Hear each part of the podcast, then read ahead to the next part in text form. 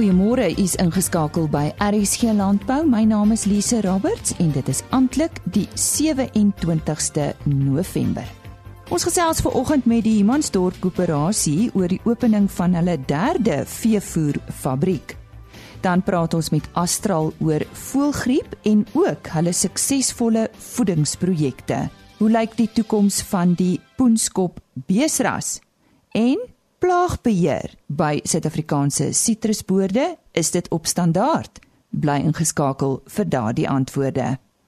Die Humansdorp Koöperasie se derde veevoerfabriek net buite Kookhuis is onlangs in gebruik geneem. Die hoofuitvoerende beampte Henk Aggenbach vertel van die koöperasie, waaruit hulle besigheid bestaan en wat hulle uniek maak.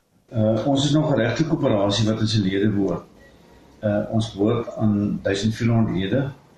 Hulle is die eienaars van die besigheid. Ons verskaf primêr landbou-insette aan ons lede en dan so aan nuwe lede wat so 20% van ons besigheid uitmaak. Ons het verskillende besighede van besproeiingsdienste, ontwerpe, brandstofpunte tot veevoer en die oprigting van nette uh verskillende aspekte van ons besigheid. Ons is ook redelik betrokke in wapen en ammusiehandel Dis enige insette of dienste wat boere benodig te doen ons. Dan het ons ook 'n besigheid wat handel dryf in die voormalige Siskei en Transkei areas met so 15 handelstakke daar. Ons het onlangs PSP in Kopstad Kokstad gekom waar ons beplan om ons handelsaktiwiteite ook dan uit te brei. Uh, ons het 'n paar jaar gelede die koöperasie De Co as 'n handelsmerk geregistreer in Suid-Afrika en behoort dus aan ons. Ek dink die grootste ding is dat ons behoort aan boere. Ons sukses hang eintlik van boere af. Dit is hulle wat ons sterk maak, wat veroorsaak dat ons in die markplek oorleef. Ons moet hulle vertroue hê en verdien. 'n Ondersoek het getoon dat dit wel die geval is. Boere vertrou ons met hulle besigheid en ons moet net aanhou om oop en eerlik met hulle te kommunikeer. Ek dink bogenoemde is sekerlik die grootste faktor wat ons besigheid anders maak en ook suksesvol maak. Maar wat is die rede vir die opening van 'n derde veevoerfabriek net buite Kookhuis?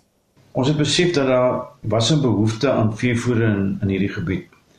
Uh ons het die fabriek in die produksie produksiegebied uh van die roumateriale gebou uh waar al die rouprodukte beskikbaar is en beplan of meeste van die produkte beskikbaar is en beplan om die besigheid dienste hiervan af uit te brei uh onder andere om op wilspulle te konsentreer wat waarvan hierdie fasettes wat besig is om uit te brei in die gebied in die onmiddellike omgewing uh, en sodoende sal ons nou ook aan daardie behoeftes van boere kan voldoen.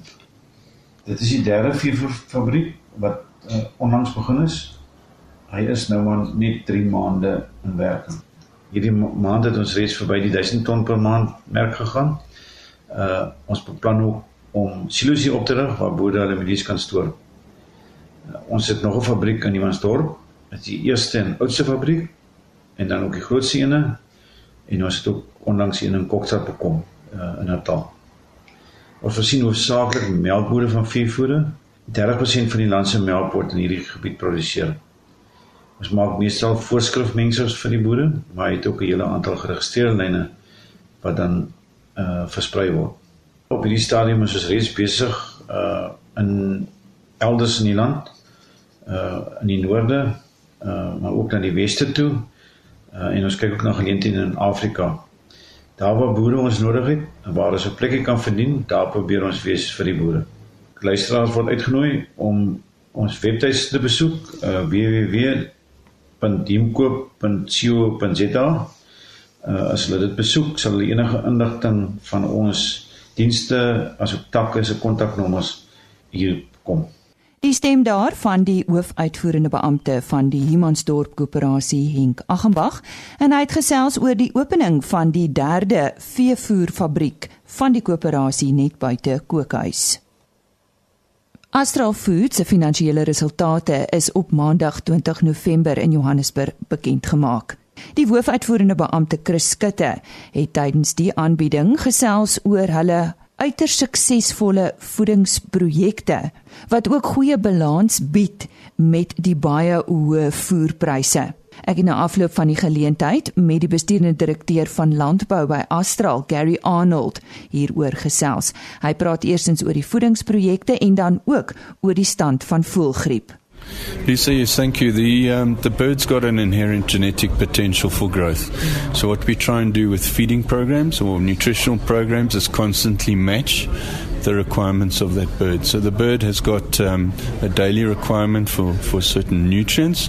Um, it deposits uh, protein daily, and um, we try and match those uh, requirements for um, those nutrients that it uses to grow and deposit uh, weight on a daily basis. So the more efficiently you can do that, the better, or you'll achieve faster growth rates, in other words. So what we've done, Astral has done over the past 18 months, we're in a continuous program of developing feeding programs, but we, we implemented a new feeding program that helped us achieve the same live weight at an earlier age. What does that mean? Well, we were able to reduce the slaughter age of the birds by just over a day. So, in effect, you save one day of feed, which is quite significant over the life of the broiler. Die verbruiker dink jy nie hulle gaan 'n vraag hê daaroor nie. Um, no, they won't. Uh, you know, the birds, uh, we're not talking about genetic manipulation here. Birds are bred um, in a breeding program, so those birds that exhibit better traits for growth or whatever those characteristics might be, they are selected, placed into a breeding program so that those genetic traits or characteristics can be used. In other words, or exploited commercially. Um, those birds that we, we, that we farm with um, come out of an international breeding program. We merely match the nutrition to better uh, utilize those growth characteristics that the birds exhibit. So there's there's no um, I mean people obviously uh, often talk about genetic modification. There's none of that in poultry breeding. Poultry breeding is a science on its own where there's a selection program for good genetic characteristics. Growth being one of those, daily growth rates being one of those um, criteria. jy het genoem tydens die aanbieding dat ehm um, die Verenigde Koninkryk is die enigste land wat eintlik gevrywaar is amptelik. Wat is die prosedure en hoe lank dink jy gaan dit moontlik vir ons neem? It's a, a, a, difficult question to answer in a South African context because we have had recent outbreaks. But just to um, just to uh, highlight what what we've said about the UK is that once a country is deemed uh, free of the disease. Th- that is actually three months after the last confirmed outbreak. So it's only at that time that you start counting down the three months. Now, if countries have continuous outbreaks, be it a day apart, a week apart, two months apart, um, it's, it's, it's a process before you can actually deem yourself disease free. Now, what most countries do, or those countries that import um, poultry meat from a country that's declared itself free, they will go and evaluate for themselves if that disease free status is in fact such.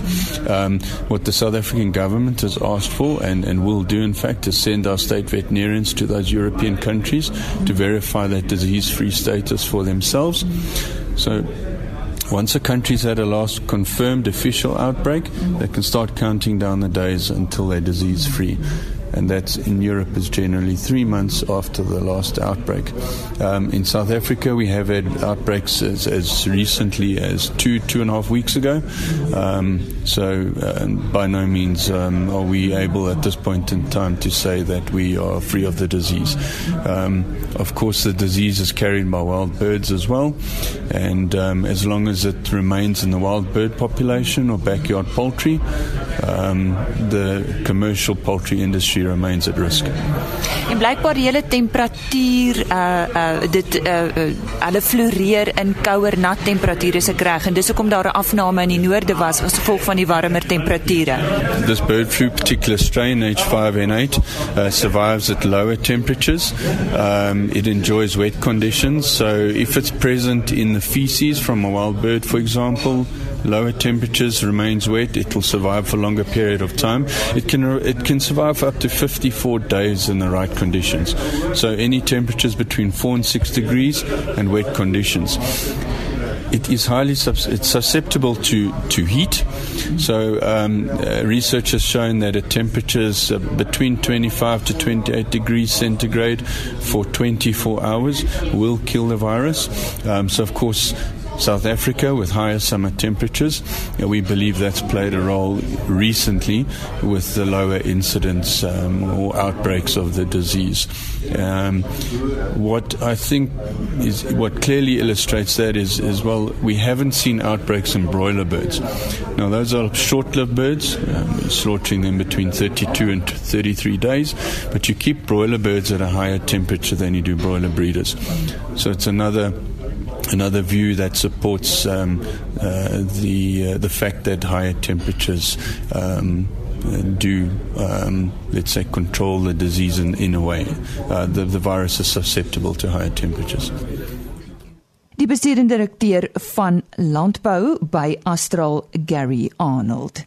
Aktiviste wat opkom vir die beskerming van diereregte haal dikwels die nuus. Net soos wat hulle keer dat honde se sterte afgesit word, is daar ook diegene wat keer dat beeste onthoring word. Dit is 'n neiging wat wêreldwyd bespeer word. Nou Shaal Uys is 'n Bonsmara teeler wat meer as 2 dekades gelede al besluit het om poenskop bosmaras te teel, terwyl dit eintlik 'n horingbees is. Daar was nie eintlik baie materiaal om van te werk nie en Kaal moes maar die meeste dinge oor poenskoppe wat hy weet self uitvind. Gelukkig het hy baie goed rekord gehou en vandag is hy die voorloper op die gebied van poenskopteeling in die land. Koos de Pisani, ons medewerker in die Noord-Kaap, het met hom gesels oor die neiging en of dit net 'n modegier gaan wees of is dit dalk iets wat gaan bly. Koos ja, ehm um, 25 jaar terug was daar baie min poenskop ons maar materiaal beskikbaar. Ek het was destyds 'n uh, eh, verkoopsbestuurder by Taurus gewees en het uit die bedryf uit vrae gekom vir poenskop diere om mee te teel en spesifiek poenskop ons maras en uh, ek het toe die behoefte gesien om hulle te begin te selekteer en bymekaar te maak. So in die begin was dit regtig maar 1 uur 2 dae om bymekaar te maak en uh, hulle al meer gemaak en wel 25 jaar later kan ek dan vir jou sê dat 80% van die kudde is poenskop en ons kan nou al homosogote en heterosogote identifiseer en uh, spesifiek ook vir die koper of die kliënt sê hoe hy gaan teel uh, deur al die jare se navorsing in die poenskopbedryf. Wat is die uh, voordele om met poenskoppe te boer teenoor jou horingbeeste? In Suid-Afrika is dit nog uit en uit 'n arbeidsstorie. Uh dit is verseker as jy met 'n uh, vleisbeeste boer jou arbeidintensiefste gedeelte is die onthoring van die kalvers. Dis maar 'n slegte werk en baie tydsaam met klomp arbeiders en dit geskied ook in tye wat dit gewoonlik warm is, hierdeur die somermaande wat maar die hoofkalfseisoen is, so dis nie 'n baie aangename werk nie. Die die hele neiging is maar net dat die mense minder arbeiders aanhou met die minimumloon wat al hoër raak, raak die arbeidskoste al hoër En as jy met vleisbeeste boer, is dit een van die goed wat jy moet dophou is jou arbeidskoste. Dit raak te hoog. So as hulle die onthoring kan uitskakel, is dit 'n uh, absolute bonus. In Europese lande, Denemarke het begin uh, mag hulle nie meer onthoring nie, raak die onthoring die die Greenpeace mense uh wil dit nie meer hê nie. Dis maar soos hulle nie meer wil hê hulle moet hondjies se sterte afsny of bokseronde se ore nie. Ehm um, dit gaan maar kom ook hierso. Suid-Amerika, die aanvraag vir bonsmara embryos wil hy ons ook spesifiek uh poenskop bonsmara sê. Uh so wêreldwyd is rasse besig om hulle poenskop te teel of infusies te doen om poenskop geen in te bring om hulle ras dan na poenskop uh, rigting te teel. Nou dink jy dit is net in die uh, bonsmara uh ras wat wat, wat hierdie neiging is of uh is daar ander rasse, beestrasse ook dieselfde neiging? Nee, verseker, daar is poenskop rasse wat die, wat die ouens die geen het, uh Angus en Brangus, rooi poenskop ensovoorts. Ehm um, daar's toelies met poenskoppe ook, maar uh so Sussex byvoorbeeld het hulle in die wêreld uh 'n Angus bul toegelaat om infusie meer te doen. Ehm um, en uh Shirley steel hulle poenskop, Simmentalers is daar poenskop. So hulle is besig om na al baie rasse te kyk na poenskop geen om te te vermeerder en dan poenskop hulle vir die bedryf daar te stel. Hoofsaaklik arbeid en dan soos ek sê mense wat uh, nie meer onthoring wil toelaat. So jy sien dat hierdie neiging om na die poenskop toe te gaan gaan 'n meer algemene ding word onder die uh, beesteelers uh, kom ons sê oor die volgende dekade of so. Ja, verseker koes as ek nou dink van 25 jaar terug tot waar ons nou staan en die aanvraag elke jaar raak die poenskopbulle al groter en in my geval my veiling is daar 'n groot verskil tussen uh die poenskopbulle en die horingbulle op die veiling se pryse. Maar ook oral waar jy gaan is ouens wat uh, al aandag gegee het aan die poenskop en die poenskopbulle verkoop goed en dit dit gaan net al meer raak want ek bedoel ons arbeid gaan nie goedkoper raak nie en nie, ons omstandighede op die plase raak ook nie beter om meer mense aan te hou nie. So ons as boer moet ook iets doen wat dit vir ons makliker maak om ons beeskudde te bedryf. Dit was Ankoos de Pisani wat daar met Kaal Uys gesels het. Hy is 'n Bonsmara teeler, maar hy het oor die toekoms van die poenskop beesras gesels. Afgesien van die droogte waarmee heelwat vrugteprodusente in ons land nou te doen het, moet hulle ook die erns van insekbestryding besef om verliese te beperk. Ek gesels nou met 'n entomoloog van die Landbou Navorsingsraad, Dr Skalk Skuman. Skalk, wat is die stand van geïntegreerde plaagbeheer in Suid-Afrikaanse vrugtebode tans? Lisa, ek moet ongelukkig sê dat dit die stand van van geïntegreerde plaagbeheer is nie goed nie. Ehm um, as ek geïntegreerde plaagbeheer uh, miskien kan vinnig definieer, is dit weet alle aspekte insluitend chemiese beheer. Weet mens kyk na biologiese beheer en na meganiese beheer en en daar daar 'n paar, paar ander alternatiewe vorms van beheer ook. Ehm um, op die stadium van die tyd is ons beheer grootliks gebaseer op uh, chemiese beheer. Ehm um, en ek moet nou ook sê om, om nou weer 'n landsie te breek vir ons boere is dat dit nie net Suid-Afrika so is nie, maar ook waarskynlik wêreldwyd dat dat dat dat, dat die ouens maar redelik chemies gebaseer is op die oomblik. Ehm um, Ja, daar's redes daarvoor natuurlik. Ehm um, jy weet daar's markdruk en allerlei goed wat wat wat daarvoor verantwoordelik is. Maar wat is nou jou mening die grootste struikelblok waarmee ons produsente te doen kry? Jong in ons omgewing, ehm um, is daar 'n uh, is is dit is dit die die ja, die insekte wat ons wat ons die grootste sukkel uh, in die subtropiese bedryf is maar die groot die groot groepe stinkbesies. Ehm um, Spinbesies is, is, is, is wêreldwyd besig om al hoe groter te raak. Ehm um, hier weet jy dis baie interessant gewees. Ehm um, 'n paar jaar gelede het die ouens redelike sterk gewe ongewe met 'n met 'n kontakaksie ehm um, wat ondiskriminerend uh, insekte doodmaak gebruik. Ehm um, markdruk het, het gedikteer dat hierdie produkte al hoe minder en minder gebruik word en vervang moet word met produkte wat meer 'n gunstige omgewingsprofiel het en dit lyk vir ons en ook die navorsers in die buiteland asof hierdie meer meer algemene produkte stinkbesies onder druk het en nou dat ons ja, dat, dat ons produkte gebruik wat meer spesifiek is um, vir vir vir die ander teiken insekte. Ehm um, het hulle nie so goeie effek op stinkbesies stinkbesies nie en stinkbesies getalle begin meer word. Uh die probleem egter nou is om my boere redelik swaar spyt vir spinbesies raak 'n tweede groep insekte meer dominant en dis blaaspoetjies wat vir ons groot probleme gaan wees in die toekoms. Nou ja, ek wil juist praat oor insekdoders. Hoe belangrik is die bekamping van insekweerstandigheid teen insekdoders? Dit is uiters belangrik. Uh ons sit op die stadium omdat die boere meer en meer spuit in die bome groter en groter word. Ehm um, raak die spuitstofbedekking in die groot bome al hoe moeiliker en al hoe ja, dit plaas die insekpopulasies onder druk. En ehm uh, ja, ehm um, baie areas wat nie goed gespuit word nie, oorleef die insekte en ja, en die en die, en die insekte wat oorleef in jare van die saak dra hulle gene oor in die proses uh, van weerstand uh, kry, dit kry 'n vaste plek in ons boorde. Dit is uiters belangrik. Jy het nou, nou oor 'n paar insekte gepraat, maar watter insekte is tans die belangrikste en hoeveel skade rig hulle aan? Dis ja, ek het genoem van die stinkbesies op die stadium in die makadamia bedryf op sy eie is ongeveer 10% van die van die neute wat geproduseer word word beskadig in een of ander manier van van uh, van van ja, op een of ander manier deur die stinkbesies. Moeiliker om te kwantifiseer is is die blaaspoetjies soos ek genoem het. Ehm um, ek vermoed die skade kan kan uh, oor die oor die oor die subtropiese bedryf waarskynlik ook omtrent maklik by die 10% dryf. So dit is, is ongelooflike groot getalle wat ons van praat. Ehm um, ons sit ook met 'n derde groep insekte. En dit is 'n dis 'n groep uh, baie klein mooitjies, baie klein val mooitjies wat skade maak. En die uh, In die makadamia bedryf alleen sit ons hier met 'n uh, met dit direkte skade wat mense by die fabriek net hier rondom 3 na 5%. En as mens na die skade kyk wat weggegooi word voor dit in die fabriek kom, um, maklik nog nog 'n 10%. Die gevaar van hierdie motor is dat hulle ongelooflik aanpasbaar is en en destyds het, het ja, ek ek loop die sit van die sitrus af. Dit is die stadium met sitrus 'n baie groot probleem. Maar dit is ook as ek sê in makadamia se groot probleem en dit stadig maar seker besig om 'n om 'n smaak vir avokados te ontwikkel. Nou die stinkbesie, is daar enige vordering wat gemaak word in die monitering van stinkbesies?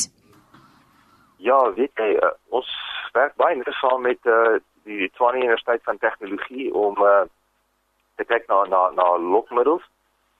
Ja, die eerste prys gaan natuurlik wees om 'n om 'n feromoon te kry, maar ja, ek dink as mens kyk na die naam van hy stink, jy sien dit stink, hy stink. Dis een van die goed wat hulle doen.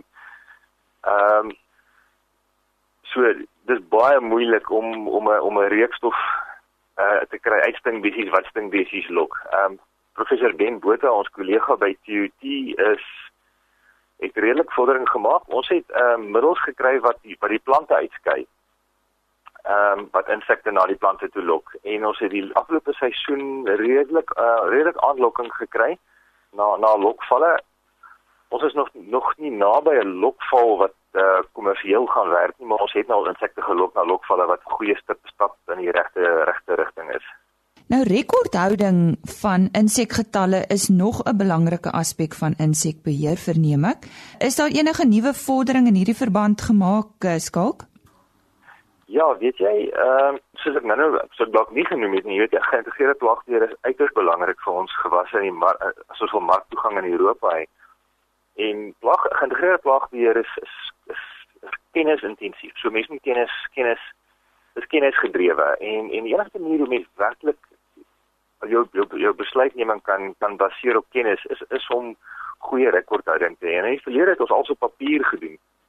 Jy weet met die uh, met die nuwe digitale tegnologie het ons ook nog nie agtergebly nie.